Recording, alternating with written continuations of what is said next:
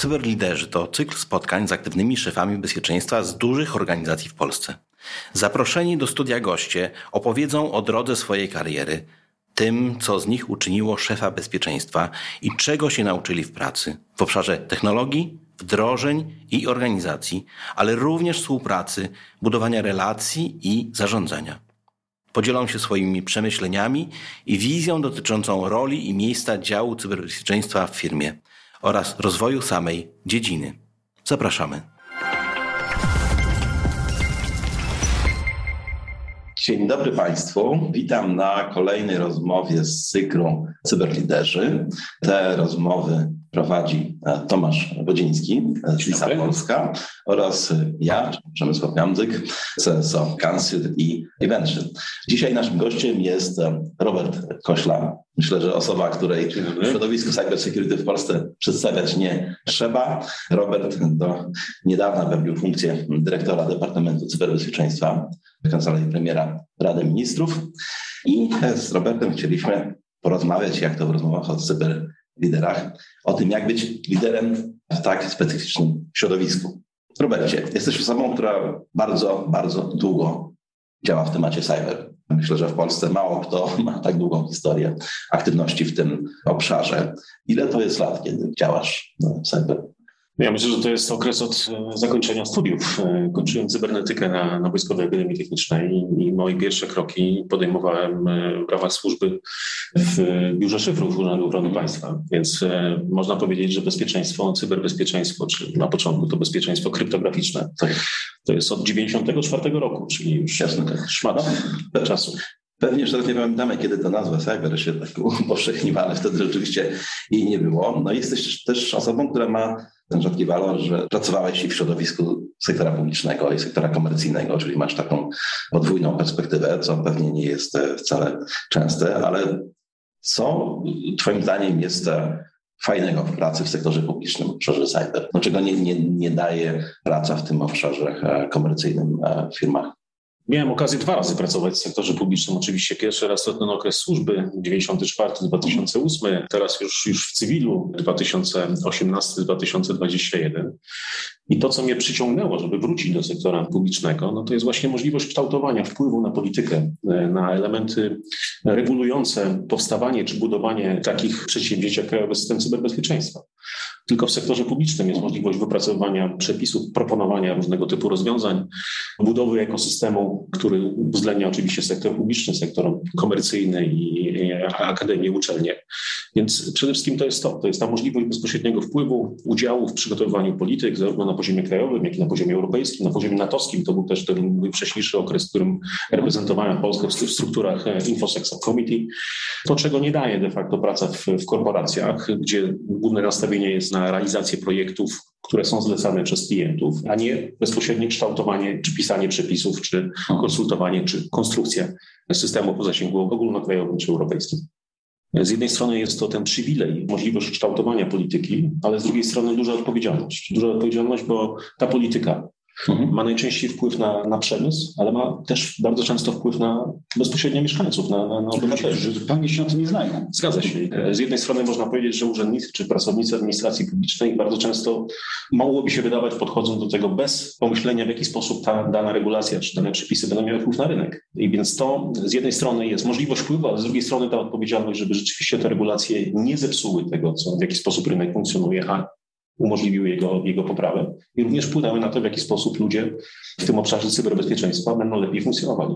Na temat pracy w urzędzie, w administracji publicznej, e, no jest trochę takich stereotypów i, i, i mitów, często niestety negatywnych, ale co sam postrzegasz jako taką specyfikę tego miejsca pracy, którą de facto trudno zrozumieć komuś, kto no, w tym sektorze publicznym nie pracował. Ja myślę, że tutaj trzeba uwzględnić jedną rzecz. To, tą, tą rzecz, która cechuje właśnie sektor publiczny, to jest ta cykliczność. E, cykliczność pracy bardzo często podporządkowana kalendarzowi politycznemu wyborów. To jest obserwowane przez wiele, wiele lat i to myślę, że nie tylko jest charakterystyczne, charakterystyczne dla Polski gdzie zawsze oczywiście przy zmianie, przy dużych zmianach politycznych zmienia się też ten, ten szczebel kierowniczy, szczebel średniego stopnia. I tutaj są albo wznawiane pewne przedsięwzięcia, które były wcześniej realizowane, albo hamowane te przedsięwzięcia, albo zmienia się wektor e, działań podejmowanych w obszarze cyberbezpieczeństwa i nie tylko. Więc myślę, że przede wszystkim e, ta, ta właśnie cykliczność podporządkowania e, kalendarzowi wyborczemu, plus jeszcze ta specyfika związana z sektorem publicznym, ona jest związana z, z celami, które są stawiane. Trochę inaczej jest, wiadomo, w sektorze prywatnym. Najczęściej tym głównym motywem jest kwestia generowania przychodów, generowania zysków. W przypadku działalności w sektorze publicznym te cele są inaczej określone. Są to cele strategiczne, przygotowania dokumentów regulacyjnych, kalendarzowe, jak i również przeniesienie na uzyskanie jakichś efektów, oczywiście też, też finansowych w postaci oszczędności bądź w postaci inwestycji czy wspierania inwestycji w dany obszar, taki jak cyberbezpieczeństwo. Kiedy przechodziłeś się z Microsoftu, bo wcześniej pracowałeś w Microsoftie, obejmując stanowisko dyrektora Departamentu Cyberbezpieczeństwa, wtedy jeszcze w Ministerstwie Cyfryzacji, no tyle było Ci łatwiej, że wcześniej też jednak w tym sektorze publicznym też e, pracowałeś, ale co Cię skłoniło do opuszczenia no, takiej bogatej, fajnej korporacji na rzecz e, pracy w sektorze publicznym, bo to jest taka była wtedy duża, głośna, głośna, głośna decyzja i, i, i głośna zmiana. Ja myślę, że te zmiany były dwie. Jedna to jest oczywiście to moje przejście do, do Microsoftu w 2008 roku. Po zakończeniu realizacji, myślę, że bardzo ważnego zadania, czyli uruchomieniu systemu informacji, informacyjnego Schengen. To był 2007 rok. Zrealizowałem to zadanie, które polecił mi e, ówczesny wiceminister spraw wewnętrznych i administracji Grzegorz Bliźniuk pełnomocnik rządu do spraw CCBs i de facto w grudniu weszliśmy do Schengen. Więc ja dostałem wtedy propozycję, żeby przejść do, do sektora prywatnego. Notabene od kolegi, którego znałem ze struktur wcześniejszych natowskich, kolega, który pracował w Departamencie Obrony Stanów Zjednoczonych, który przeszedł do Microsoftu i budował globalną strukturę odpowiedzialną za bezpieczeństwo publiczne i obronność. Który to był rok? To był rok 2008. To jest wtedy myślano o, o tym bezpieczeństwie w takim tak, winięciu. Tak, tak, tak. To była cała struktura. Szukał osoby, która poprowadzi temat w Europie Środkowej i Wschodniej, 23 państwa. Wtedy podjąłem tę decyzję o odejściu ze służby, o zakończeniu służby, przejściu do sektora prywatnego i powrót z kolei, ale od pierwszego dnia mogę powiedzieć, od pierwszego dnia pracy w sektorze prywatnym zawsze jednak ten, ta tęsknota pozostaje. Można powiedzieć, ta administracja, służba to jest ta pierwsza miłość, którą się zawsze jakoś wspomina. I zawsze to wspominałem, zawsze w kontaktach, zresztą jak przyjeżdżałem do Polski, bo, bo na, na co dzień pracowałem z Monachium, przyjeżdżając do Polski zawsze w tych kontaktach z kolegami, czy to ze struktur wojskowych, czy ze struktur cywilnych, zawsze mówiłem, że jeżeli jest jakiś ciekawy temat, będzie ciekawy temat, jakieś wyzwanie, no to w pewnym momencie ta praca na rzecz, na rzecz sektora komercyjnego no, może zejść na plan dalszy, jeżeli będzie ciekawe wyzwanie. I takie wyzwanie się pojawiło w 2018 roku. Tutaj moja rozmowa z panem ministrem Zagórskim, z panem ówczesnym również ministrem Okońskim spowodowała to i propozycja powrotu do Polski i kontynuacji czy budowy, wsparcia procesu budowy krajowego systemu cyberbezpieczeństwa. Wtedy również rozmawiałem z panem ministrem Dzikotem też o tym, co się działo, co było inicjowane, przygotowywane w obszarze militarnym. Więc no, to były te dwa sygnały, które no, otrzymałem. No i słowo się rzekło, więc powiedziałem, że jak będzie ciekawy temat, to, to jestem gotów wrócić. No i wróciłem w 2018 roku po to, żeby rzeczywiście realizować to przedsięwzięcie. Nieźle. Takie porzucenie komercyjnego na rzecz znowu państwa, ale jesteś dzisiaj w takiej sytuacji, że zamykasz pewien kolejny rozdział, tak? Można powiedzieć, że to jest trzeci twój rozdział, taki bardzo poważny, gruby. Pierwsza to była praca dla, dla działu szyfrów, później także szereg innych ciekawych projektów, o których jeszcze powiemy. Później mieliśmy obszar e, pracy dla komercyjnego podmiotu. Dziś już możemy powiedzieć, jesteś po wyjściu. Co byś takiego zmienił w tym ostatnim swoim doświadczeniu?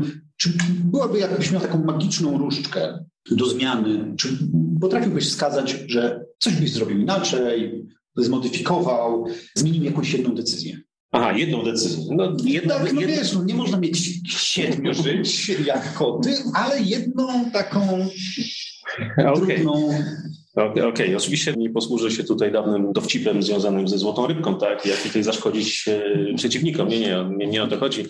Ja myślę, że tą jedną decyzją byłoby jednak e, rezygnacja, czy tak, rezygnacja z, z tego pomysłu, który w pewnym momencie się pojawił, żebym oddał jeden z wydziałów, który funkcjonował w Departamencie Cyberbezpieczeństwa. Tam była zmiana na stanowisku dyrektora generalnego Ministerstwa Cyfryzacji. Było wzmacnianie biura dyrektora generalnego i był taki pomysł, żeby przekazać e, Wydział Spraw Obronnych i Zarządzania Kryzysowego do biura dyrektora generalnego. Z punktu widzenia teraz perspektywy czasowej myślę, że to był błąd. chociaż no oczywiście w strukturze już Kancelarii Prezesa Rady Ministrów sprawami obronnymi zajmuje się dedykowany zespół, inny departament, natomiast zarządzanie kryzysowe w obszarze cyfrowym to zarządzanie cyfrowe jednak powinno być bliżej cyberbezpieczeństwa. I tutaj. Żeby to nie było dualizm, tylko że tak, było. Tak, i tutaj nawet w ostatnim okresie takie rozmowy e, prowadziłem z panem dyrektorem Chmielem, żeby ten obszar, i tutaj uzgodniliśmy to, że, że Biuro Ochrony tą część jednak e, przekaże z powrotem do, do Departamentu Cyberbezpieczeństwa, gdzie to właśnie zarządzanie kryzysowe w cyfryzacji, czyli na styku również z Instytutem Łączności, z Instytutem NASK, e, powinno być skoordynowane, tak żeby, żeby łatwiej było te procesy prowadzić i zresztą Miałem świetną osobę, która tymi tematami się zajmowała i dlatego mówię, trochę później żałowałem i taką decyzję, jak mógł zmienić, to ta jedna to decyzja. Bo co, co, do pozostałych elementów, no to na większość z nich nie miałem wpływu, bo nie dysponowałem jako, nie byłem dysponentem budżetu, nie mogłem mieć większego wpływu na przykład na zwiększenie etatów, czy jakiejś zdecydowanej ruchu, jeżeli chodzi o podwyżki dla, dla, dla personelu. Chciałbym, to jest marzenie każdego, każdego, każdego kierownika i tylko nie, nie w sektorze publicznym, ale też prywatnym. Dzieje się troszeczkę w tym, zakresie teraz. Przechodząc do tego zespołu, którym troszkę się podzieliłeś, jak przychodziłeś, jakiej wielkości miałeś ten zespół? Czy to było coś dużego, czy musiałeś tak naprawdę rozpocząć od kształtowania tego zespołu od początków, a gdzie on jest teraz?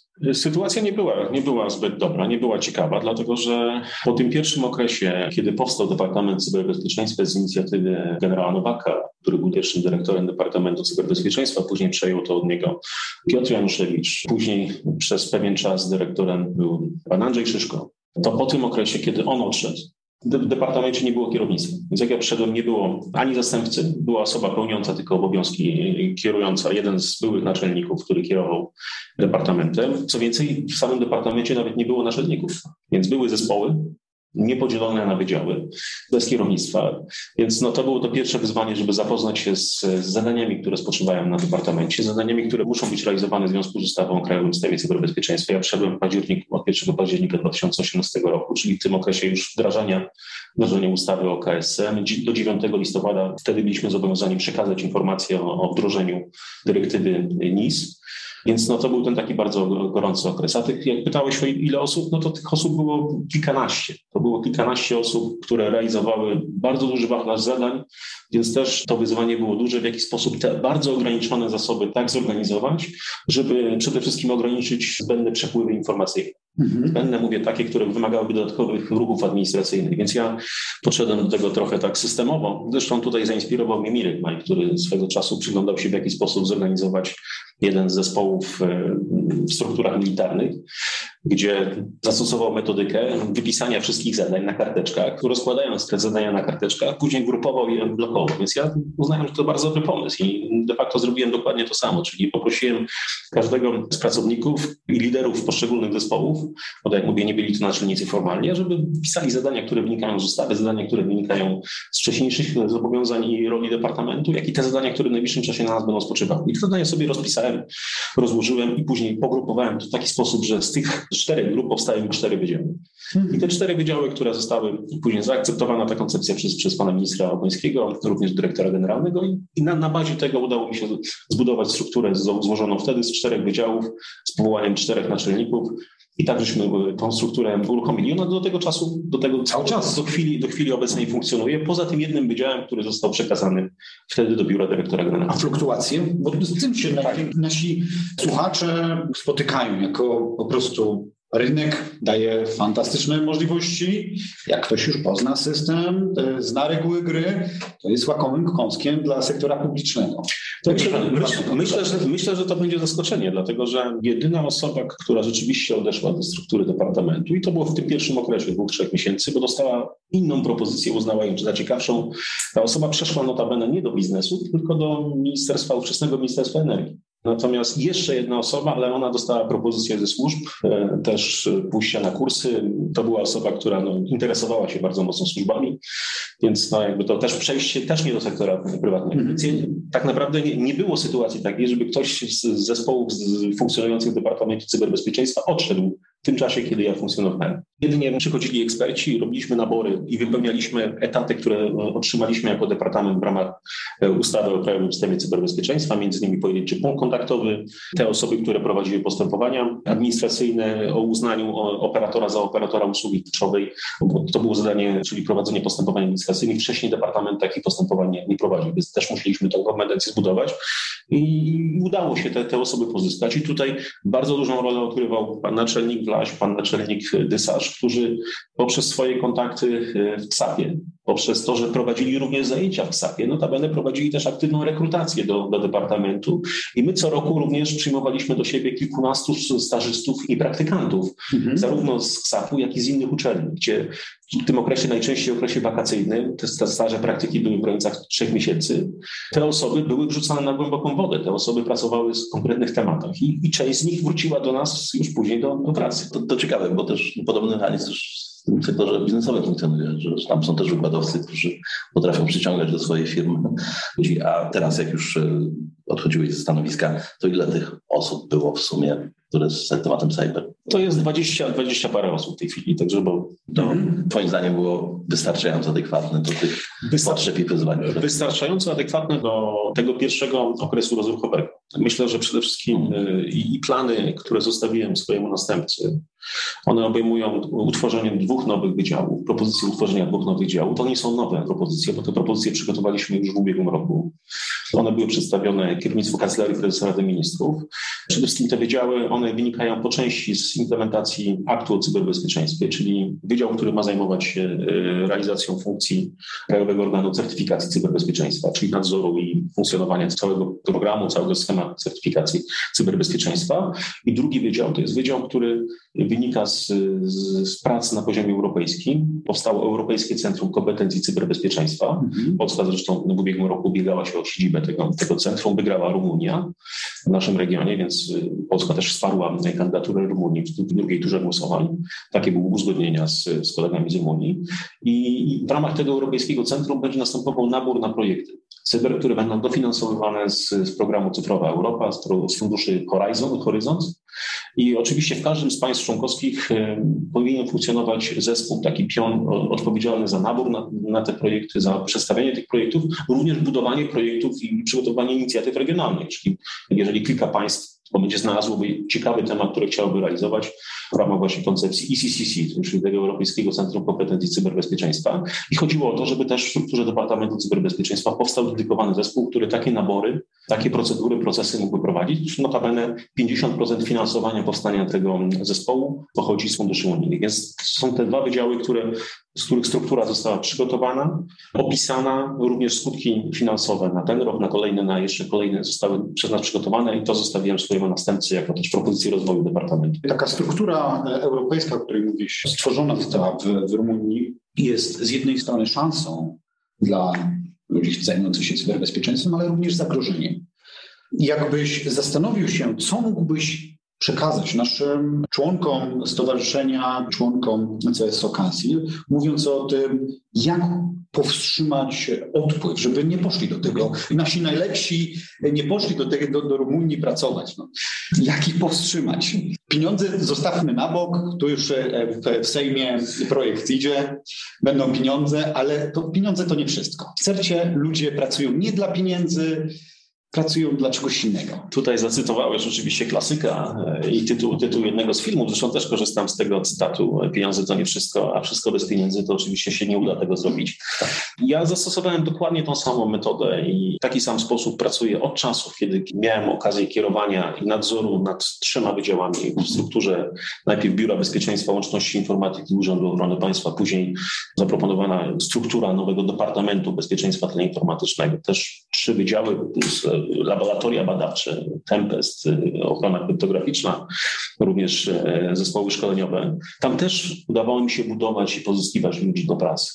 Ci ludzie praktycznie nie odchodzili. Dlaczego? Dlatego, że to jest kwestia atmosfery pracy. To jest atmosfera pracy. atmosfera pracy, stawienie na dużą inicjatywę, danie możliwości pracownikom zaangażowania i tego, żeby oni się poczuli częścią rzeczywiście fajnie, fajnie funkcjonującego mechanizmu. Absolutnie i tutaj ja sobie przypomnę. Czyli to nie bierni pracownicy powinni iść do administracji publicznej, tylko ci bardziej aktywniejsi. Co jest trudne oczywiście, bo wiemy, że, że tacy ludzie są poszukiwani również na rynku komercyjnym. Takim ludziom się świetnie płaci. Ludzie, którzy mają dużą inicjatywę, samodzielność i tak dalej, to są ludzie, którzy, którzy sami też potrafią prowadzić. Zareklamowałeś ten zespół, trzeba mu się ten poważnie przyjrzeć. Ten zespół jest naprawdę bardzo dobry. Tak samo jak, tak jak mówię, dokładnie ta sama metoda, którą stosowałem przy pracy we wcześniejszych miejscach. Co więcej, również w Microsoftie, akurat w Microsoftie nie kierowałem bezpośrednio, nie miałem zespołu ludzkiego, którym, którym zarządzałem, ale wpływałem bezpośrednio, byłem mentorem, coachem tak, i również wspierałem zespoły funkcjonujące w poszczególnych państwach. Też chodziło o to, żeby pozyskiwać osoby, które w obszarze bezpieczeństwa narodowego i obronności to nie jest account manager, który może przyjść na pół roku, bo budowanie samej relacji w tym sektorze czy podsektorze trwa bardzo długo, bardzo długo więc utrata człowieka powoduje to, że no, biznes w tym obszarze się, się blokuje. Więc i podobało mi się, bo, bo widziałem, przeglądając, przygotowując się do tej rozmowy, widziałem też e, na, na CSO Council jeden z ciekawych obrazków, takie porównanie takich cech. Czasem rzucamy tak, takie rzeczy. Tak, takich cech, cech, kim i jakie cechy ma szef, czyli ten tak zwany boss, a jakie cechy powinien mieć lider? Lider zespołu, lider jakiejś organizacji. I jak spojrzałem na ten obrazek, mówię, no, wydaje mi się, że, że mieszczę się w tym obszarze lidera, bo szefem się bywa, a, człowiekiem się jest generalnie i też liderem dla ludzi, a, a zawsze można to poznać wtedy, kiedy się odchodzi z danego zespołu, kiedy ten kontakt jest utrzymywany. Ja dalej mam, mam kontakty z kolegami, z którymi pracowałem dawno, dawno temu jednej organizacji, drugiej organizacji, teraz z tym zespołem, który, który pracuje, myślę, że będę dalej też utrzymywał kontakty, tym bardziej, że otrzymałem bardzo dużo wyrazów e, wsparcia, podziękowań. Też chciałem podziękować za podziękowania, które otrzymałem tutaj od CSO Council, od tej, od tej wspólnoty, bo, bo, dużo informacji, dużo, dużo też podziękowań, dużo sygnałów, dużo kontaktów. Także mhm. to są te cechy. Myślę, że, że budowanie dobrej atmosfery. Współpracy. Tak, współpracy plus danie możliwości inicjatywy, nie mikrozarządzanie, absolutnie pokazanie wizji strategicznej. Co więcej, ja miałem to szczęście, że ja w takim środowisku też funkcjonowałem. Miałem to szczęście, kiedy dostałem propozycję zostania zastępcą dyrektora Biura Bezpieczeństwa Łączności Informatyki WOG. Byłem naj, najmłodszym chyba wicedyrektorem historii służb specjalnych wtedy. Niecałe 28 lat, jeszcze nie ukończone. Kierowanie taką strukturą to było gigantyczne przyjemność. Sam się przeraziłem wtedy. Ale miałem to zaplecze w postaci kierownictwa, w postaci szefa, który z jednej strony stawiał wymagania, z drugiej strony stwarzał bardzo dobre możliwości działania. I to samo było w ostatnim okresie tutaj teraz w Ministerstwie Cyfryzacji. Takie środowisko, takie możliwości stwarzał minister Zagórski ja dokładnie to samo przenosiłem na, na zespół. Jasne. A y, tutaj w tym sensie byłeś takim menadżerem samoukiem, czy też podjąłeś w tym momencie jakieś studia managementu, tak?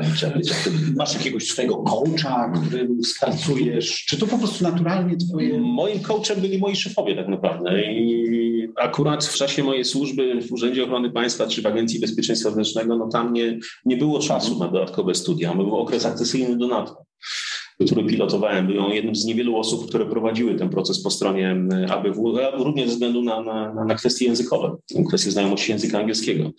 Więc nie było tego czasu, to de facto mnie proszono o, o, o prowadzenie zajęć na różnego typu uczelniach, wtedy na, na Akademii Sztabu Generalnego, oczywiście w tej chwili to jest Akademia Sztuki Wojennej i również różnego typu zajęcia tak naprawdę ja prowadziłem. A co do zarządzania zespołami, mieliśmy trochę oczywiście element studiów wojskowych, to jest zarządzanie i kierowanie Również, również psychologia, ale psychologia, jak zarządzać zespołami. Sami zresztą prowadziliśmy po pierwszym roku e, studiów, prowadziliśmy i kierowaliśmy drużynami kolejnego rocznika, więc to też był ten element e, sprawdzenia. No, a, a też miałem okazję przyglądać się naprawdę, miałem dobrych, dobrych mentorów, dobrych coachów w postaci moich szefów i tych, tych szefów, do których zespołów trafiałem, także od nich brałem to, co najlepsze. Rozmawiamy o pieniądzach, tak? Tomek wspomniał o tym projekcie ustawy, który oczywiście no, ma, ma, tam są konkretne pieniądze. Pomysł w ogóle dopłat tak, do stanowisk takich związanych z cyber w sektorze publicznym, żeby nie stwarzać tego ciśnienia tak, między sektorem publicznym a prywatnym, wydatnie zmniejszyć, no już był już dużo wcześniej, tak? Był tam taki pomysł złotej setki i tak dalej. Jak ten pomysł w ogóle oceniasz, tak? Bo tutaj są dwa takie fundamentalne zarzuty wobec tego pomysłu. E, jeden zarzut jest taki, no, że reszta administracji się obrazi na tych cyber, czemu mają, a my nie. Nie będą chcieli współpracować. Tak, tak, nie będą chcieli współpracować. A drugi zarzut jest taki, no, że to będzie takie śliskie pole do jakichś nadużyć, tak? Że się tych do, dobrych cyber się tam wypchnie, a tu się swoich zatrudni, no bo tutaj są bardzo duże pieniądze e, i że to pójdzie... A cyber się nauczą. Tak, a cyber się nauczą i będzie, będzie fajnie, więc jak to widzisz? Znam te argumenty i powiem tak, no nie będę komentował tego modelu, który jest w tej chwili proponowany, bo nie jestem jego autorem, nie brałem udziału w uzgodnieniach tego modelu. Analizowałem propozycję Złotej Setki i analizowaliśmy to od strony prawnej. Rzeczywiście było to trudne do realizacji, ze względu na to, że tworzyłaby się jakaś super grupa i odstąpiliśmy od tego pomysłu. Pan minister Zagórski zaproponował inny model. Zaproponował wtedy model taki, żeby Krajowy System Cyberbezpieczeństwa dysponował e, rzeczywiście pewną wąską grupą ekspertów. Ekspertów, którzy przede wszystkim zajmą się nie bezpośrednio reagowaniem na incydenty, ale taką analizą predykcyjną, czyli analizą zagrożeń i ich potencjalnego wpływu na funkcjonowanie KSC. Również doszedł ten element związany z ekspertami, którzy powinni być zdolni, powinni posiadać kompetencje w zakresie e, głębokich analiz bezpieczeństwa łańcucha dostaw. To nam wyszło przy okazji oczywiście 5G, ale nie tylko, bo łańcuch dostaw to nie tylko same elementy do budowy sieci 5G, ale oprogramowanie, tak, oprogramowanie, usługi, narzędzia wykorzystywane przez operatorów usług kluczowych w każdym sektorze, również OT. Więc dlatego ta koncepcja, która była wcześniej wypracowana e, i którą pan minister Zagórski w ubiegłym roku uzgadniał, czy wstępnie konsultował z Ministerstwem Finansów, to była koncepcja właśnie przeznaczenia środków finansowych z budżetu, bezpośrednio z budżetu, na zatrudnienie 20, maksymalnie 20 ekspertów po stawkach rynkowych, czyli te kwoty, które są w, chyba teraz w tej chwili w aktualnym projekcie, to są dokładnie te kwoty, które wcześniej proponowaliśmy, czyli ta 21-krotność wynagrodzenia, czyli do 40 tysięcy. I to jest ta stawka, która na rynku mniej więcej na tym poziomie funkcjonuje. I dlatego patrząc na to, żeby nie tworzyć całej grupy i zmieniać całkowicie siatki płac całej administracji, z drugiej strony pokazując jakby ten zakres osób, które powinny być zatrudnione, po pięć osób w trzech zespołach sesji plus pięć osób wspierających pełnomocnika rządu do spraw cyberbezpieczeństwa. I to było w tym poprzednim projekcie, więc to była ta propozycja, która właśnie nie, nie, nie powodowała jakichś gigantycznych zmian płacowych, nie wyróżniała jednej grupy, bo, bo ja widziałem te argumenty, że są lekarze, są nauczyciele i oczywiście jak najbardziej, jak najbardziej tak. Natomiast z drugiej strony no, pokazywała realia. Realia są takie, że nie zatrudnimy za te pieniądze, a z drugiej strony zlecanie tego typu analiz na zewnątrz by było jeszcze droższe. Więc był pomysł taki pośredni, żeby te osoby zatrudnić, mhm. żeby te osoby, które muszą mieć odpowiednie kompetencje, żeby też nie było tej wątpliwości. I, i to nie, był, nie była forma dodatków, to była forma wynagrodzenia po prostu w takiej wysokości, czyli umowy już na określone zatrudnianie, tak jak można powiedzieć, do, do instytutów badawczych, do takich podmiotów jak wcześniej Centralne Centrum Projektów Informatycznych, COI, zatrudnienie na określone stawki przypisane do określonych etatów, do określonych kompetencji, czyli można powiedzieć taki model, model rynkowy. I to nie powodowałoby, myślę, mhm. i nie powodowało, wcześniej nie było żadnych negatywnych komentarzy z uwag, które otrzymywaliśmy do poprzedniej wersji projektu. Żadna z tych uwag nie dotyczyła tego, że, że ten model jest zły, że ten model jest, będzie powodował jakikolwiek konflikt. Dlaczego nie udało się tego. Departament Cyberbezpieczeństwa przygotowując projekt realizuje polecenia mhm. ministra, który wskazuje kierunki, mhm. w jakich, jakich projekt ma podążać. Tak jak mówię, ta wersja projektu wcześniejsza, którą firmował pan minister mhm. Zagórski, ona uwzględniała ten poprzedni model. Jasne. Oczywiście będziemy się uważnie przyglądać, co teraz e, powstanie, tak, jeżeli oczywiście no już... No myślę, że każdy z CSO będzie miał e, pewien zgryz, bo jak mu jego z lepszych ludzi powie, wiesz, ja to chciałbym realizować fajne rzeczy i tutaj Ministerstwo Cyfryzacji, KBRM powie, daje ci 42 tysiące jako dodatek, tak, bo to jest w tym momencie jako dodatek, to jest szansa, że on będzie musiał się zmierzyć z z pewnym problemem takiej natury naprawdę finansowo problematycznego, przekupienie już tego człowieka do zostania. W drugą stronę się odwróci. No myślę, że może być to problem. Może to ja, myślę, problem. ja myślę, bo widziałem ten projekt, y, który został opublikowany w ostatnim, w ostatnim czasie. Ten projekt to nie są etaty w KPRM-ie, to są etaty w szubach przede wszystkim. Wszędzie, wszędzie, wszędzie. Dokładnie myślę, że to idzie bardzo szeroko. Stąd myślę, że ten temat, dlaczego akurat funkcjonariusze czy pracownicy wykonujący jakieś określone zadania w jakiejś służbie mają zarabiać tyle, bo tylko dlatego, że, że realizują funkcję cyber. No, w danej służbie są oczywiście inne piony i tak jak, tak jak dyskusja, która e, też dotyczyła tego, czy Centralne Biuro Zwalczania Cyberprzestępczości ma mieć zupełnie inne stawki, zupełnie inne kryteria naboru, bo też takie komentarze były. I też są komentarze pozytywne i negatywne. Negatywne też z samej, z samych struktur policyjnych, czy z osób, które pracowały w strukturach policyjnych, też wskazywały na to, że tworzy to odrębną grupę której współpraca z, z pionami, klasycznymi pionami funkcjonującymi w komendach wojewódzkich policji może być utrudniona. Tak mówię, powtarzam tylko te opinie, które były wyrażane chociażby na, na forum Wizja Rozwoju w Gdyni. Taka opinia była przedstawiana przez pana profesora Kosińskiego. zmienimy trochę temat. Chciałem zapytać Ciebie o kontekst współpracy z tym e, sektorem biznesowym, ale właśnie już z pozycji pracy w ministerstwie, a później tak KPRM-ie. Powstały ciekawe inicjatywy takiej e, współpracy z, z, dużymi firmami z branży IT e, w zakresie edukacji, wymiany informacji. Chciałem zapytać o to, co byś powiedział branży IT, dostawcom cybersecurity, mając tą całą wiedzę, którą, doświadczenie, które zdobyłeś przez te lata, czego ci jeszcze brakuje tej branży? Co ta branża mogłaby robić lepiej, e, żeby no, służyło to raz sektorowi publicznemu, no i w ogóle w sprawie cyber tak, w Polsce. Ja myślę, że ja to mówiłem. To współpracowaliśmy z, z przemysłem w ramach programu współpracy w cyberbezpieczeństwie, tego programu, który, który też jako jeden z pięciu pomysłów przychodząc do Ministerstwa Cyfryzacji kiedy też proponowałem y, pięć głównych przedsięwzięć, które chciałbym realizować w Ministerstwie Cyfryzacji, które uzgadniałem też pan, z panem ministrem Monińskim, z panem ministrem Zagórskim, czyli między innymi zbudowanie takiej platformy do współpracy z, z przemysłem transparentnej, które da możliwość realizacji no, w, w, pięciu obszarach, między innymi kwestia podnoszenia świadomości w obszarze cyberbezpieczeństwa, y, kwestia zaleceń konfiguracyjnych, E, kwestia przekazywania informacji o cyberzagrożeniach przez przemysł, który najczęściej te informacje pozyskuje, kwestia przygotowania badań i prowadzenia badań certyfikacji, no i kwestia też wprowadzania innowacyjnych technologii. Więc ja w ramach realizacji PW Cyber, który uruchomiliśmy w 2019 roku, w październiku, pierwszą, pierwszym podmiotem była firma Samsung, rozmawialiśmy to, czego oczekujemy od, od biznesu. To oczekiwanie przede wszystkim dobre zrozumienie procesów administracji, administracji rządowej. Bo oczywiście bardzo często było tak, co zresztą sam obserwowałem jeszcze funkcjonując w biznesie, że kant menadżerowie, sprzedawcy, którzy przychodzili na spotkania, byli nieprzygotowani, nie rozumieli nawet roli podmiotu, z którym rozmawiają. Mieli standardową prezentację sprzedażową, z którą przychodzili, bo my mamy tutaj najlepszy produkt, nowy produkt, nowe oprogramowanie, które realizuje wszystkie funkcje zabezpieczające. Więc dlatego e, w ramach PW Cyber też rozmawialiśmy, też pokazywaliśmy te pola wszystkim z naszej strony, prezentowaliśmy to, jakie są oczekiwania, jakie procesy, jakie wyzwania. Po drugie, oczywiście przygotowując strategię cyberbezpieczeństwa, pokazując zadania, które stoją przed państwem do, do roku 2024, biznes już miał, można powiedzieć, ściągawkę tak? i powiedział, OK, to my w tym obszarze Tutaj na przykład podnoszenie kompetencji, tutaj na przykład przygotowanie nowych projektów w zakresie ochrony kryptograficznej, to my mamy propozycje. I, I, to, to budowało pole dialogu. Więc mój przekaz główny do biznesu to jest taki, no przygotujcie się do rozmowy, przygotowujcie się do, do rozmów. Zrozumcie, wczujcie się w rolę, w rolę tego partnera biznesowego po drugiej stronie, jakie są moje cele jako, jako, jako przedstawiciela administracji, a nie tylko przekaz główny, przekaz, który jest przekazem sprzedażowym bardzo często, bo jeżeli jest to poważne podejście do, do administracji, to administracja z drugiej strony widzi, że czas, który poświęca na spotkanie z takim przedstawicielem przemysłu jest spożytkowany w sposób taki, który może być wykorzystany do poprawienia działalności działalności, bądź również wykorzystany w procesie legislacyjnym również, kiedy, kiedy zbiera się informacje, w jaki sposób pewne rzeczy funkcjonują albo nie funkcjonują i, i które powinny być zmienione. To zebrałeś tą, ten, taki cały wachlarz doświadczeń. Jakbyś teraz mógł, mając e, do dyspozycji naszą antenę, powiedzieć, przekazać coś swojemu następcy, takiego co by wynikało z głębi serca, z doświadczeń w, te, w tej relacji. Co byś przekazał?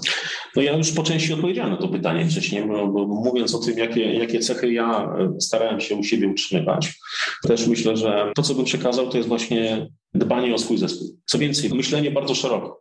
Nie myślenie tylko w kategoriach takich, jakie dzisiaj zadania mam realizować, ale jakie zadania mogę realizować w przyszłości, jak rozwijać ten zespół strategicznie, bądź też proaktywnie podchodzić do, do, do, do, do tej kryzysowego. Nie oddawać kryzysowego, dokładnie tak, to, to przede wszystkim. I tutaj też jeszcze raz powtarzam, być liderem tego zespołu, a nie tylko szefem, który... Pokazuje co, gdzie, jak, dlaczego i... Tak jest. Generalnie oczywiście ta rola lidera, ona dużo wymaga, bo wymaga tego, że, że pracuje się często więcej niż zespół bo żeby rzeczywiście z tym zespołem i, i to, tą pracę rozdzielić, a nie tylko dawać pojedyncze czy, czy cząstkowe zadania, tylko żeby tą pracę rozdzielić w sposób odpowiedni, żeby ona była też zrealizowana, bo trzeba znać też kompetencje i trzeba znać możliwości tego zespołu. Każdego z człowieka, z ludzi. Każdego z ludzi, każdego z ludzi pojedynczo i osobno, bo niektórzy lepiej pracują w zespole, niektórzy lepiej pracują jako, jako, jako single.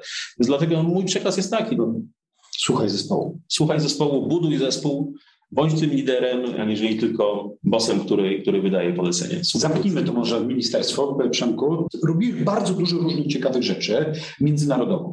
Twoje doświadczenia od poprzedniego sektora publicznego to było kontakty z dwudziestoma paroma państwami. W dużym stopniu to się też przełożyło na, na Twoje późniejsze działalności w ramach Unii Europejskiej, różnych projektów, które były tworzone w ministerstwie, ale Zastanówmy się, czy taką radę byłbyś w stanie ze swojego doświadczenia dla w ogóle działaczy światowych, co można by było zrobić na poziomie cyber ogólnie dla całego świata? Tak jak WHO ma pewne wytyczne, dziś w dobie pandemii no nie ma problemu, wszyscy, no chociaż swego czasu zostało WHO wykluczony, jeden z główniejszych płatników e, powiedział e, im nie, e, ale to chyba wróciło, zostawmy to. Natomiast w świecie cyber każdy z krajów, no może Unia Europejska w pewien sposób działa, Stany Zjednoczone też działają, choć też to jest jedna patrzy się na drugie. Co powstać takiego, co by było globalnym, centralnym sposobem dostarczania wiedzy, dostarczania standardów w zakresie cyber? Czyli takim powinien się szczuć w rolę cybersekretarza generalnego, no?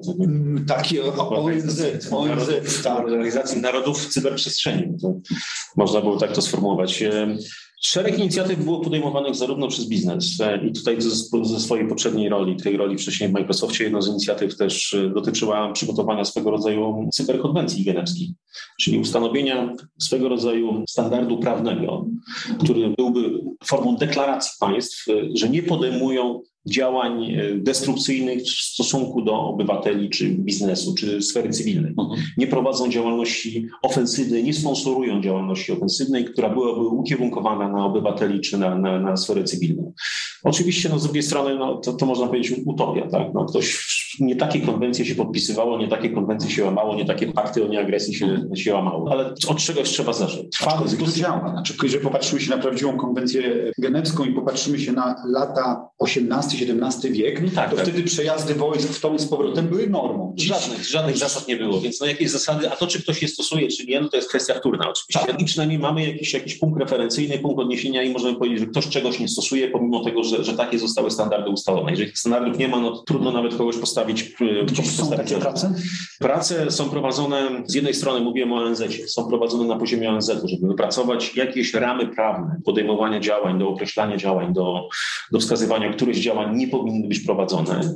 Tutaj też jest bardzo dużo wpływów i widać tutaj bezpośredni punkt styku, punkt starcia między państwami tej zachodniej kultury i państwami skupionymi wokół Federacji Rosyjskiej, Chin i tych państw satelickich, które bardzo często wspierają te propozycje, oczywiście ze względu na uzależnienie finansowe, ze względu na uzależnienie polityczne od tych dwóch, państw. Więc to jest jedna arena w tej chwili tego wpływu. I druga arena wpływu to jest wpływ na instytucje międzynarodowe, ITU. Zobaczmy, kto w ostatnim okresie przejmował tą rolę kto przejmuje rolę standaryzacyjną w tych dużych organizacjach międzynarodowych, a przejmuje ją dlatego, że Stany Zjednoczone w pewnym momencie zaczęły się wycofywać swój aktywny wkład, które de facto były motorem napędowym instytucji. To jest ten obszar też standaryzacyjny. Mamy obszar europejski. W obszarze europejskim też zdefiniowaliśmy problem braku standardów. Etsy no, po części jest bardzo pasywne, jeżeli chodzi o obszar cyberbezpieczeństwa. Ostatnie zalecenia czy, czy standardy techniczne dla urządzeń konsumenckich, dla IoT, no, ale brakuje jeszcze naprawdę bardzo dużo komponentów. Co więcej, Etsy jest też po części sponsorowane przez biznes.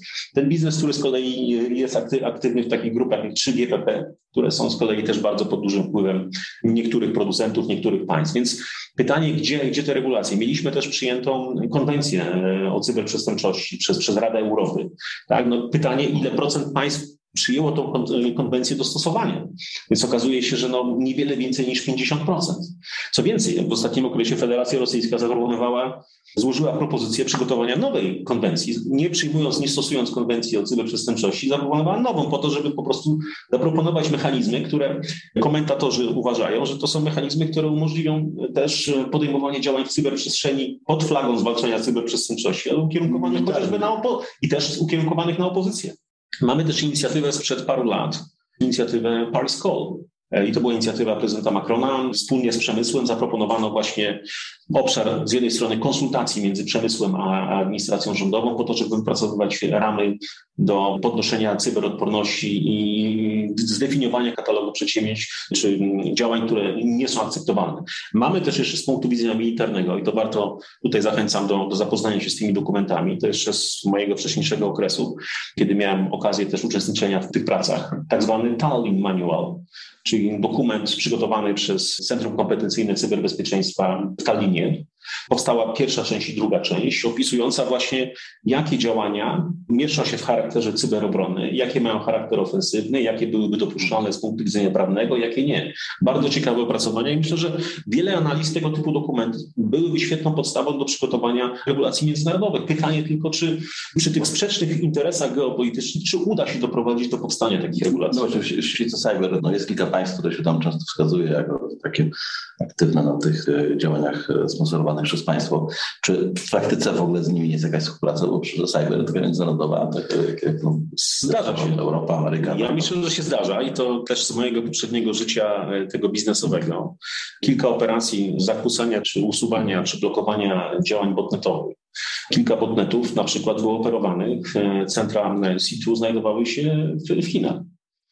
No i okazało się, że, że w momencie takim, kiedy również ofiarami tych, tych situ byli obywatele chińscy czy biznes chiński, to zespoły funkcjonujące w Chinach reagowały na, na, na, tego typu sygnały i podejmowały współpracę. To samo dotyczyło Federacji Rosyjskiej. W niektórych operacjach rzeczywiście zainteresowanie tych państw było do współpracy, ale to nie jest reguła. To tak jak mówię, zdarza się, bo, bo jest to incydentalnie. No, trudno sobie wyobrazić sytuację taką, kiedy grupa prowadząca działania ofensywne wobec infrastruktury krytycznej w państwach zachodnich, kiedy dochodzi do atrybucji tej grupy, że ona jest sponsorowana, wspierana przez jedną z służb specjalnych państwa takiego jak Federacja Rosyjska czy Chińska Republika Ludowa, że to państwo poprze działania wobec tej grupy. No to, to, to by było coś dziwnego. Co więcej, ja mówię tutaj też o tej atrybucji, atrybucja, która znalazła swoje odzwierciedlenie w sankcjach europejskich, bo mamy przecież rozporządzenie unijne.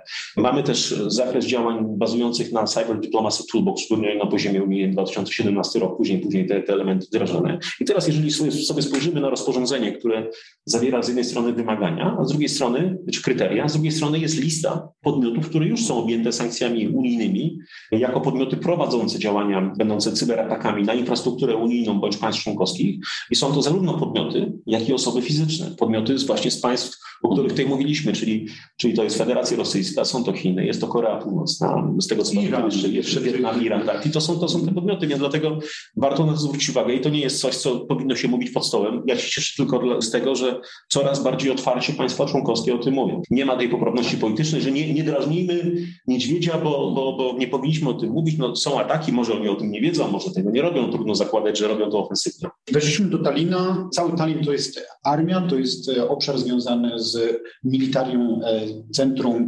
kompetencyjnym NATO w tak, zakresie. I, I tak i nie, Tomek, dlatego że, że NATO to nie są struktury, struktury tylko wojskowe, to jest sojusz polityczno-militarny. W związku z czym Tali Manual, tak jak mówiłem, obejmuje również analizy prawne, obejmuje to, co na poziomie państw, na poziomie komunikacji między państwami, na, na poziomie środków dyplomatycznych i to, co wynika również z tych, tych dwóch dokumentów. Więc i tak i nie. Jest to bardzo dobra, dobra podstawa do tego, żeby uwzględnić te analizy w przygotowywaniu regulacji, czy na poziomie unijnym. Ja bym poszedł szerzej, to powinna być regulacja nie tylko na poziomie unijnym, powinna być to regulacja ogólnoświatowa. Mhm. Oczywiście przede wszystkim znowu ten like-minded countries, których, państwa, które myślą podobnie na temat y, działalności cyberprzestępczej, czy cyberterrorystycznej, cyberdewastacyjnej w stosunku do gospodarek czy osób, mieszkańców państw. Jeżeli patrzymy się na tą część, która jest związana z działaniami służb, działaniami organizacji takiej wojny, która się toczy od wielu, wielu lat, wolnej Amerykanki w zakresie cyberprzestrzeni po stronie służb, to z drugiej strony mamy zwykłych obywateli.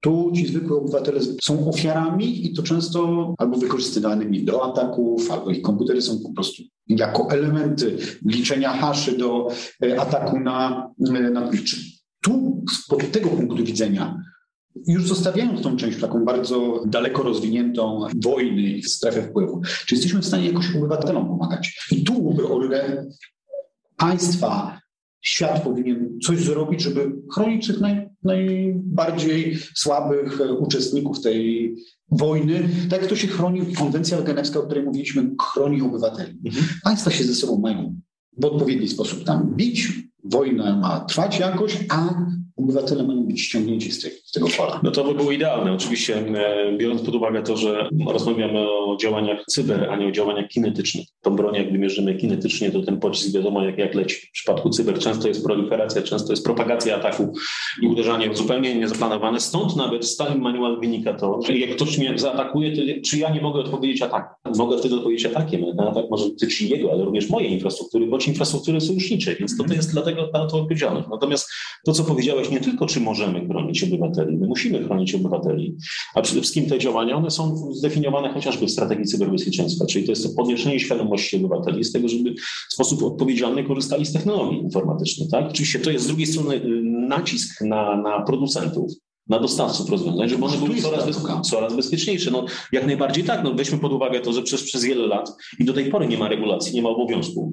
I w bardzo małym zakresie, chociażby porównując do przemysłu samochodowego, tam gdzie odpowiedzialność producenta jest bardzo duża za to, czy sam, sam pojazd spełnia odpowiednie normy. Za jakość. Za, za jakość, za bezpieczeństwo tego pojazdu, tak? On poddawany jest testom, musi spełniać odpowiednie normy. To z drugiej strony, patrząc na oprogramowanie i sprzęt, gdzie mamy takie wymagania? Pierwsze, co robimy, instalując oprogramowanie, to akceptujemy warunki licencyjne, które jest napisane, producent nie ponosi odpowiedzialności za to, za to, za to, za to, za, za tamto. Oczywiście jest temat, temat, ale już na poziomie unijnym już trwają prace. Zresztą też w Polsce te procesy z udziałem Ministerstwa Sprawiedliwości i z udziałem też, też rynku, branży. Pod kątem regulacji, bo wiadomo, że jeżeli wprowadzimy na szeroką skalę rozwiązania typu Internet of Things, czyli sensory funkcjonujące, również urządzenia autonomicznie poruszające się, komunikujące ze sobą, no, ale mówię, wprowadzimy na szeroką skalę, to jest to. Jest to bo jeszcze nie mamy na ulicach pojazdów autonomicznych w Polsce, które się poruszają same i później będą latały również same, więc no, to są te elementy, które też chodzi o to, żeby kto będzie ponosił odpowiedzialność za, za funkcjonowanie tego elementu. Więc dlatego też myślę, że te regulacje, które mają w tej chwili być nakładane na, na dostawców oprogramowania, sprzętu, oczywiście do tego trzeba zrobić standardy, trzeba w końcu zacząć wymagać odpowiedniej jakości tego oprogramowania, trzeba przygotować programy szkoleniowe dla producentów, dla deweloperów, więc to, to jest cały system, który musi być zbudowany. A ta ochrona obywateli to jest jest oczywiście jedno bezpieczeństwo produktu, z drugiej strony to są odpowiednie bezpieczne korzystanie z tych produktów, czyli cyberhigiena bo my dostając smartfon mamy tam mnóstwo opcji. Ile osób korzysta i w ogóle konfiguruje cokolwiek na smartfonie. Ile osób, które, które mają nawet smartfony z, z, z odpowiednim kryptoprocesorem i przechowuje tam swoje krytyczne dane na, na, na tym kryptocyfrze. Ile osób konfiguruje wieloskładnikowe uwierzytelnienie. To są podstawowe rzeczy, które są. I też pytanie, czy te rzeczy nie powinny być konfigurowane domyślnie, tak? żeby użytkownik musiał te rzeczy zrobić, bo inaczej dzieciom musielibyśmy dzieciom też. w podstawówce rozpocząć, czym jest dwuskładnikowe. Wcześniej jak dziecko, jak dziecko dostaje urządzenie, to jeszcze podstawówka to jest za późno. Dwa, trzy lata. Dzieci już, dzieci już w takim wieku 7-8 lat, 6-7-8 to już, to już są biegłe w, korzystaniu z technologii. To już wcześniej trzeba te, te zasady wprowadzać, ale dodatkowo też jeszcze przygotowywać wersje urządzeń, które będą dostosowywały te możliwości urządzenia do wieku danej osoby. A to powszechne bezpieczeństwo, bo ogromny wysiłek jest też wkładany po stronie państw w cały obszar tożsamości, mhm. wzajemnego uznawania tych tak. rzeczy, tak, no, podpisu elektronicznego i tak dalej. No w Polsce mamy świetny projekt Profil Zaufany, też świetną współpracę z bankami, które się tutaj pomogły zbudować te całe mechanizmy, dzięki mhm. którym się to udało bardzo rozpowszechnić, ale brakuje tu takiego spięcia, tak? Znaczy jest to coś, co dotyczy kontaktów z administracją publiczną, funkcjonuje w tym świecie, ale nie przykłada się na tą resztę, tak? Czy w ogóle cokolwiek idzie w tą stronę, żeby w tym internecie żebyśmy mieli tą cyfrową tożsamość, taką uniwersalną, tak? Żeby to po prostu był jeden wspólny świat biznesu, obywateli, sektora publicznego i żeby no, było to wszystko bezpieczniejsze przez to, że to jest na twardo, każdy jest uwierzytelniony tak, w tym świecie cyfrowym. Tak i po pierwsze trzeba rzeczywiście tym obszarem się zająć. Po drugie te działania są prowadzone oczywiście po wprowadzeniu europejskich przepisów dotyczących e, tak, tożsamości elektronicznej czy identyfikacji elektronicznej, przepisów EIDAS. W tej chwili trwa proces rewizji tych przepisów, bo okazało się, że pomimo tego, że są europejskie ramy, które umożliwiły 2013 rok, 14, tak? To, to się, które, umożliwiły, tak, które umożliwiłyby chociażby utworzenie węzłów krajowych, po to, żeby można było między państwami się komunikować, żeby ta moja tożsamość, którą elektroniczną, którą sobie potwierdziłem w Polsce, żeby była rozpoznawalna w C. To nie działa, niestety to nie działa. Na poziomie Unii Europejskiej. Dlatego mówię, to, to, nie, nie, to nie działa na poziomie Unii, więc mamy ten, ten problem, który oczywiście bardzo szybko został obnażony przy zamówieniach publicznych, kiedy się okazuje, że podmiot z zagranicy nie może posługiwać się swoją tożsamością tutaj przy przetargu, podpisywać dokumentów itd., tak itd. Tak I druga rzecz to jest, to wyszło przy covid -zie. Kwestia identyfikacji również e, osób. Kwestia chociażby paszportów covidowych, aplikacji, które miały służyć również e, monitorowaniu osób. Więc to, to były te elementy, które okazało się, że pomimo tych górnolotnych założeń, większość państw skończyła tylko na warstwie elektronicznej w dowodach tożsamości, Tutaj to sztandarowy program, sztandarowy projekt i największe zastosowanie i, i zawsze pokazywane jako przykład, czyli Estonia. No tylko weźmy pod uwagę, jak wielkość Estonii. Tak. No to w Niemczech rozmawialiśmy z kolegami. W, w Niemczech no, jest dowód z warstwą elektroniczną. Pytaliśmy, ile usług jest dostępnych z wykorzystaniem tej warstwy. Niewiele. Więc to rozwiązanie, które były zainicjowane jeszcze przez panią minister Strzeżyńską, czyli aplikacja M-Obywatel, tak.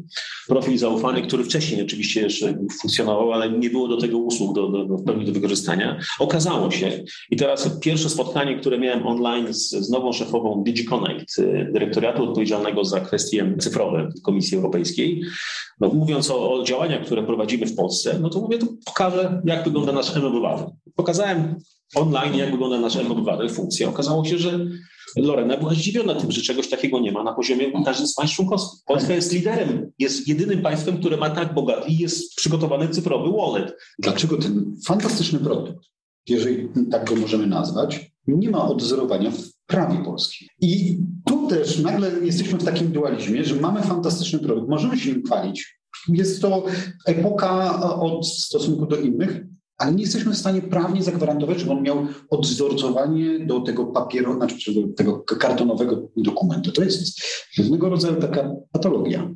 poliwęglanowego dokumentu z warstwą elektroniczną. Tak, tak. Pewna zgoda. Oczywiście pytanie jest takie, jak szybko przepisy nadążają za pewnymi rozwiązaniami technicznymi. Tutaj pewna zgoda, że to umocowanie czy dla M-obywatela, czy dla tych różnych form identyfikacji elektronicznej, bo tak jak powiedzieliście, jest profil zaufany i można korzystać z warstwy elektronicznej dowodu osobistego, można korzystać ze swojej tożsamości wygenerowanej przez bank.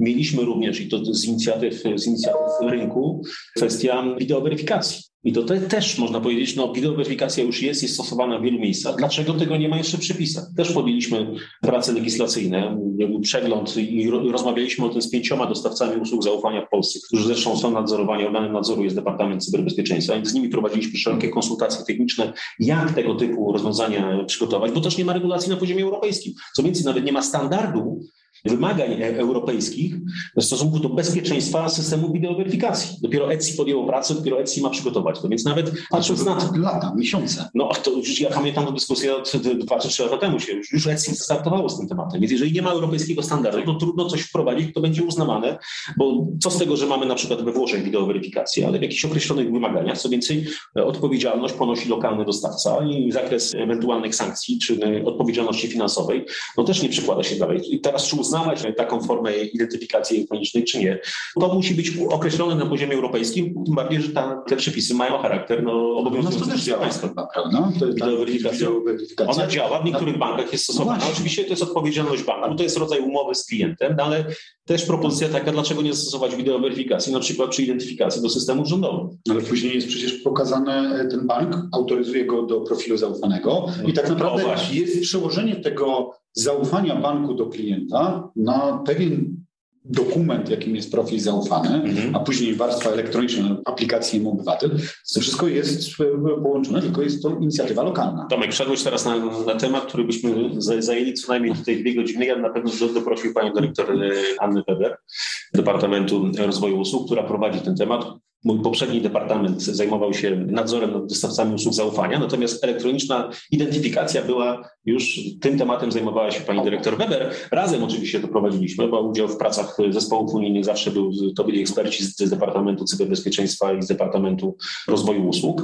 Natomiast to jest temat, który na pewno nie chciałbym prowadzić tej rozmowy bez udziału pani dyrektor, bo ona jest gospodarzem samej identyfikacji elektronicznej. Co do usług zaufania, no te usługi funkcjonują, rynek jest, myślę, że jest duży dostęp do, do, do usług zaufania, tych usług jest, jest pięciu dostawców, więc jest ten element konkurencyjny, można, można tych dostawców te, te usługi zamawiać. To co może zakończmy? To co robisz po godzinach? Mamy kilka pytań takich, które są po godzinach. Ale co, w których godzinach? Po północy? Wiesz co, tak e, czasem ludzie wychodzą z pracy, mówią, muszę gdzieś e, wskoczyć w inne buty, nie wiem, pobiegać, pojeździć na nartach, postrzelać z broni. Co jest taką rzeczą, która co, ciebie relaksuje? Co, co, ci daje tylko energię? Tak, nie, no co, co powoduje, że następnego dnia wracasz z uśmiechem do roboty? Poza wyzwaniami. No tak, tak, tak, tak, bo rzeczywiście wracam z uśmiechem do roboty, jeżeli uda się coś fajnego zrobić, tak, coś, coś co, co działa. Natomiast ten element ucieczki zawsze od stresu, bo stres jest zawsze, kiedy, kiedy mamy, mamy zobowiązania czasowe, zobowiązania różnego typu, czy zarządzania odpowiedzialność, no to, to ucieczką jest oczywiście e, aktywność fizyczna. Moja pasja to jest jazda konna. Nie mam konia sam. E, od 2000 roku jeszcze konno, także trochę tych lat już to jest był mój 21 sezon.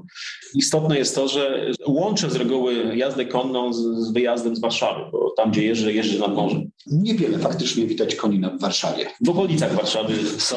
Kiedyś można było jeździć w Łazienkach Królewskich.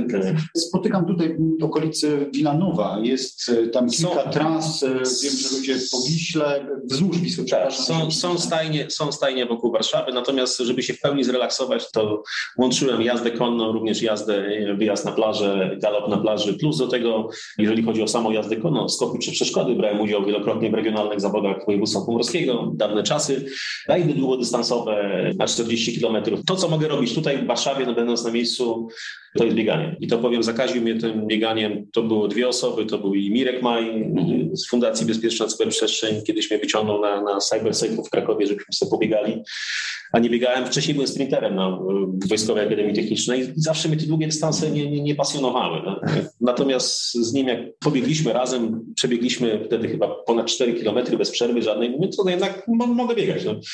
I później, później z Karolem Molendo na, na, na wyjeździe byliśmy w Stanach Zjednoczonych i, i, tak mówię, może bym pobiegał. Karol mówi, no ja biegam, to chodź ja cię wezmę, zrobimy taką rundkę. No i zrobiliśmy też wtedy i chwyciłem tego bakcyla. Tak? Jakieś maratony? półmaratony. Pół. Także można powiedzieć, jestem półbiegaczem, tylko, bo, bo, biegam tylko półmaratony, ale tak sukcesywnie teraz było, maj, czerwiec był bardzo intensywny, biegałem praktycznie co, co weekend, robiłem sobie sam półmaraton Tutaj mo można, da się na, na dole biegnąc wzdłuż Wisły, Łazienki i tak dalej. 20, 22, 23 kilometry. Co weekend, co niedziela sobie, sobie sam powtarzałem. Także to był taki element rzeczywiście do, do ładowania akumulatorów. No oczywiście mówiłeś o nartach, no, narty sezon zimowy jak najbardziej tak, ale to...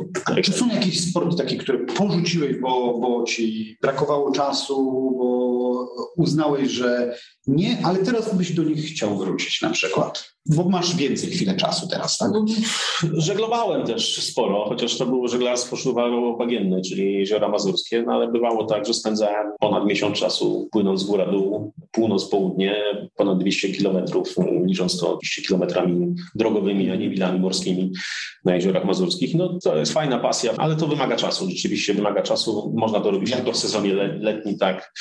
W Polsce nie narzekamy na wiatr. Lipiec, szczególnie sierpień. Ja, lubiłem okres sierpniowy, gdzie rzeczywiście tych wiatrów było, było sporo, chociaż to był okres też bardzo często burzowy, więc żeglarstwo tak może, może gdzieś rzeczywiście na morze i może gdzieś e, na, na, na, na oceanie. No myślę, że coś jeszcze w ogóle chcesz takiego zrobić poza pracą?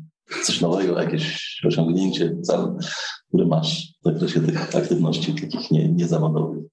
Myślę, że nie. To, co realizuję poza pracą, to jest oczywiście rodzina. No tutaj chciałbym więcej czasu poświęcać się rodzinie. To jest ten, ten, to zawsze wyzwanie, zawsze ten e, work-life balance, który się pojawia w tych, w tych korporacyjnych dyskusjach, trudny do utrzymania, szczególnie w sytuacji takiej, kiedy ląduję w nowym środowisku i, no i muszę budować coś od początku. Tak? To było w przypadku Departamentu Cyberbezpieczeństwa, gdzie no ten pierwszy okres pracy to wydawało mi się, że, że wyjście przed godziną 21 z biura to byłoby zbyt wcześnie. No ale to, myślałem, że to jest okres tylko rozbiegówka. To jest te, te, pierwsze pół roku, może rok czasu, później przyszła pandemia. Więc gasiłeś światło. Więc tak, tak, tak, tak. To było bardzo często 22, 23 to był ten czas, kiedy się wychodziło, ale to jest też nawiązanie do tego, co mówiłem. Jeżeli ktoś chce być liderem, to musi być liderem, żeby nie da się w 8 godzin. Być nie da się, nie da się tym bardziej przy takich krojonych zasobach. To, to, to musisz mieć wyrozumiałą rodzinę rodzina jest wyrozumiała. Też biorąc pod uwagę to, co wcześniej, czyli ta rola w Microsoftie, ta rola regionalna, czyli non-stop, można powiedzieć, w podróży spędzałem takim, byłem, byłem trochę weekendowym tatą, co nie jest dobre, nie polecam tego i rzeczywiście to nie, niedobrze działa, więc więcej czasu rzeczywiście dla rodziny. Jasne. A co teraz zawodowo? Zawodowo dalej, tematy cyber, rozwój. Myślę, że ta zmiana, która po raz kolejny myślę, że, że jest dla mnie możliwością do tego, żeby się rozejrzeć, zobaczyć, e, w którym obszarze będę potrzebny, bo to jest też tak, że Ja mam swoje marzenia, swoje, swoje wizje też rozwoju zawodowego, też trzeba zobaczyć, w jakim obszarze te możliwości będę mógł realizować. Czy to jest obszar sektora publicznego, czy obszar, obszar biznesowy. Propozycje, które w ostatnim okresie do mnie spływają, pochodzą z tych dwóch obszarów, czyli obszar administracji, obszar sektora publicznego, również obszar, obszar biznesowy. I są to propozycje zarówno z kraju, jak i, jak i z zagranicy. Więc no, w tej chwili rozmawiam, a czas w tej chwili poświęcam głównie e, na, na doktorat napisaniu doktoratu. Tak, który... Będziesz leczyć ludzi. ludzi. Temat pracy zdefiniowałem ponad trzy lata temu. To było związane właśnie z e, budowaniem odporności na zagrożenia hybrydowe w cyberprzestrzeni. No temat, muszę powiedzieć, teraz na czasie, jak pokazałem te założenia, które przygotowałem trzy lata temu. Bardziej dotyczyło to oczywiście modeli odpornych na ataki, modeli skalowalnych, czyli modeli hybrydowych, modeli chmurowych, również ochrona e, końcówek, również ochrona elementów takich jak tożsamość, aplikacje, infrastruktura, więc na tym się skupiam e, i chcę, żeby w tym okresie do zakończenia okresu wypowiedzenia w Kancelarii Prezesa Rady Ministrów, czyli do końca stycznia, żeby już mieć tą dużą część pracy już przygotowaną i temu poświęcam w tej chwili czas. A są jakieś takie pytania, jakby do Ciebie przyszedł? Wśród naszych słuchaczy mogą być jacyś rekruterzy. To z jakim pytaniem nie powinni do Ciebie w ogóle podchodzić? Bo na niego nie odpowiesz, albo nie będziesz chciał odpowiadać. Czy jest coś takiego, co Cię strasznie wkurza, jak rekruter przychodzi i ja kojarzę takie pytanie, gdzie będziesz za pięć lat? To jest takie pytanie, którego jak mi ktoś zadaje za pięć lat, ja nie wiem, jak, jak, będzie wyglądać moje życie za rok, bo mhm. technologia się zmienia, bo wszystko się zmienia, bo regulacje się zmieniają. A pięć lat to jest cyber taki, taka, taki przestrzeń w ogóle kosmosu. No ja nie trafiłem na takie pytania. Nie trafiłem. Rekruterów. Z reguły ci to, to nie są typowi rekruterzy, to są, to są osoby, które szukają e, ludzi do, do, do zespołu. To są liderzy, którzy właśnie chcą budować dalej. Więc ja z, z typowymi rekruterami no, nie miałem do czynienia. W sensie takim, że to ja aktywnie e, bardzo mocno aktywnie poszukuję pracy. Tak? -hmm. Trafiam w zupełnie nowe środowisko, to raczej ktoś do mnie trafiał już z polecenia albo wiedział o tym, że, że takiej osoby potrzebuje. Natomiast oczywiście te pytania, które, na które nie odpowiedział rekruterowi, to są pytania, które dotyczyłyby, czy wchodziłyby w obszar wcześniej realizowanych przeze mnie zadań, czy pytania, które dotyczyłyby informacji prawnie chronionych, informacji niejawnych, no, cały czas mam, mam poświadczenie bezpieczeństwa i od, od czasów służby w Urzędzie Ochrony Państwa w Agencji Bezpieczeństwa Wewnętrznego, więc zobowiązania dalej, dalej są, więc absolutnie w ten obszar 8 lat, nie tak? Co 8 lat? 8 lat zobowiązanie. Tak, tak, tak, tak, ale są tajemnice, które wiadomo, że y, no. tajemnice państwowe, które nie wcześniej definiowane tak zwane tajemnice państwowe, kilkadziesiąt lat y, podlegają ochronie, tak? Natomiast y, druga, drugi obszar to jest obszar oczywiście, rekruter zadawał mi pytania o no, kwestie osobiste, kwestie rodzinne. No to jest coś, co uważam za, za święte i coś, czego absolutnie nie, nie, nie wszedłbym. Tak samo jak, jak chronię tą prywatność rodziny. Nie znajdziecie informacji o mojej rodzinie, w moim profilu profilu internetowym, to wyzwanie zdjęć, słuchaczy i tak dalej. Wiadomo, że są zalety, są ryzyka. Te osoby, które powinny wiedzieć o tym, co robi moja, moja żona, moje dzieci, to wiedzą. Dostają informacje, dostają zdjęcia, ale to nie znaczy, że ja będę je publikował na Facebooku czy na jakimkolwiek innym medium społecznościowym. Staram się dbać. Zresztą te same zasady przyjęły moje dzieci, nasze dzieci, więc y, też nie, nie są aktywne, nie wykorzystują. Oczywiście w tej chwili, w tej fazie TikToka, każdy ma TikToka, no ale można korzystać z TikToka obserwując, można nagrywać dla własnych potrzeb, ale nie, nie, niekoniecznie trzeba to publikować. Czy gdzieś jest Twój taki alternatywny profil poza oficjalnym i jak go znajdziemy, to będzie nieco więcej? Pomidor, tak. Okej. Okay. Dobrze, rozmawiamy w piątek 19 listopada, a już za parę dni mamy naszą konferencję Advanced Summit, którą Invention robi wspólnie od lat z e, Polska. I Robercie będziesz jednym z, prelegentów na tej e, konferencji, e, która będzie się w formule hybrydowej. O czym, o czym będziesz mówił na, na Summit? No ja bardzo dziękuję za zaproszenie, bo okazuje się, że, że czasami byłych dyrektorów też można gdzieś zaprosić i może coś mądrego mają do powiedzenia, chociaż to, to może być wyzwanie. Nie zaprasza się tylko dlatego, że ktoś jest dyrektorem. Nie, nie, już mówiąc poważnie, rzeczywiście jeden z tematów, które zaproponowaliśmy, to jest temat przeciwdziałania i reagowania i postępowania w przypadku ataków ransomware'owych czyli tych ataków, które w tej chwili dotyczą w coraz większym stopniu to, co obserwowaliśmy w ciągu ostatnich e, półtora roku, e, dotyczą jednostek samorządu terytorialnego, ale dotyczą również naszych partnerów e, zagranicznych. Więc będzie, mhm. będzie pan ambasador, pan ambasador Chomicki, będzie, będziemy mówili o tych operacjach, które były prowadzone w Polsce, wsparcie dla jednostek samorządu terytorialnego, dla gmin, dla, dla powiatów, dla starostw, dla urzędów marszałkowskich, również szpitale. Będziemy o tym mówili, co w takich sytuacjach, w jaki sposób to, to realizować. Co więcej, będziemy to mówili na tle na tle inicjatywy, którą podjęło 30 państw, y, inicjatywy właśnie zbudowania takiej... Ponadeuropejskiej. Tak, tak, tak, tak. To była inicjatywa z Białego Domu. Do tej inicjatywy dołączyły się państwa, które, no tutaj mówię, like mind. Y, to jest nie tylko Five Eyes, ale, ale państwa z Europy tutaj, które, które działały aktywnie. Odbyło się, odbyła się wideokonferencja tych 30, 30 państw, w której my braliśmy aktywny udział. Ja akurat prezentowałem te przedsięwzięcia, które realizowaliśmy aktywnie i pokazywaliśmy narzędzia, w jaki sposób sposób e, ograniczać skutki ataków ransomware'owych, bo konferencja notabene pierwotnie była, skupiała się na tym, e, jak e, ścigać sprawców, jak mitygować, a słuchajcie, nie zapominajmy o ofiarach. Przede wszystkim w przypadku ransomware trzeba się skupić na ofierze, której trzeba pomóc w uzyskaniu danych. Druga rzecz, w jaki sposób zablokować możliwość, możliwość publikacji danych ukradzionych z prywatnych, z prywatnych zasobów. Y, no dobrze, zapraszamy na e, Advanced Threat Summit. E, rozmawialiśmy z Robertem Koszlą, a rozmawiał Tomasz Wociński i Przemysław Gandzyk. I zapraszamy na kolejne spotkanie o cyberliderach. Dziękuję bardzo. Dziękuję bardzo. Dziękuję bardzo.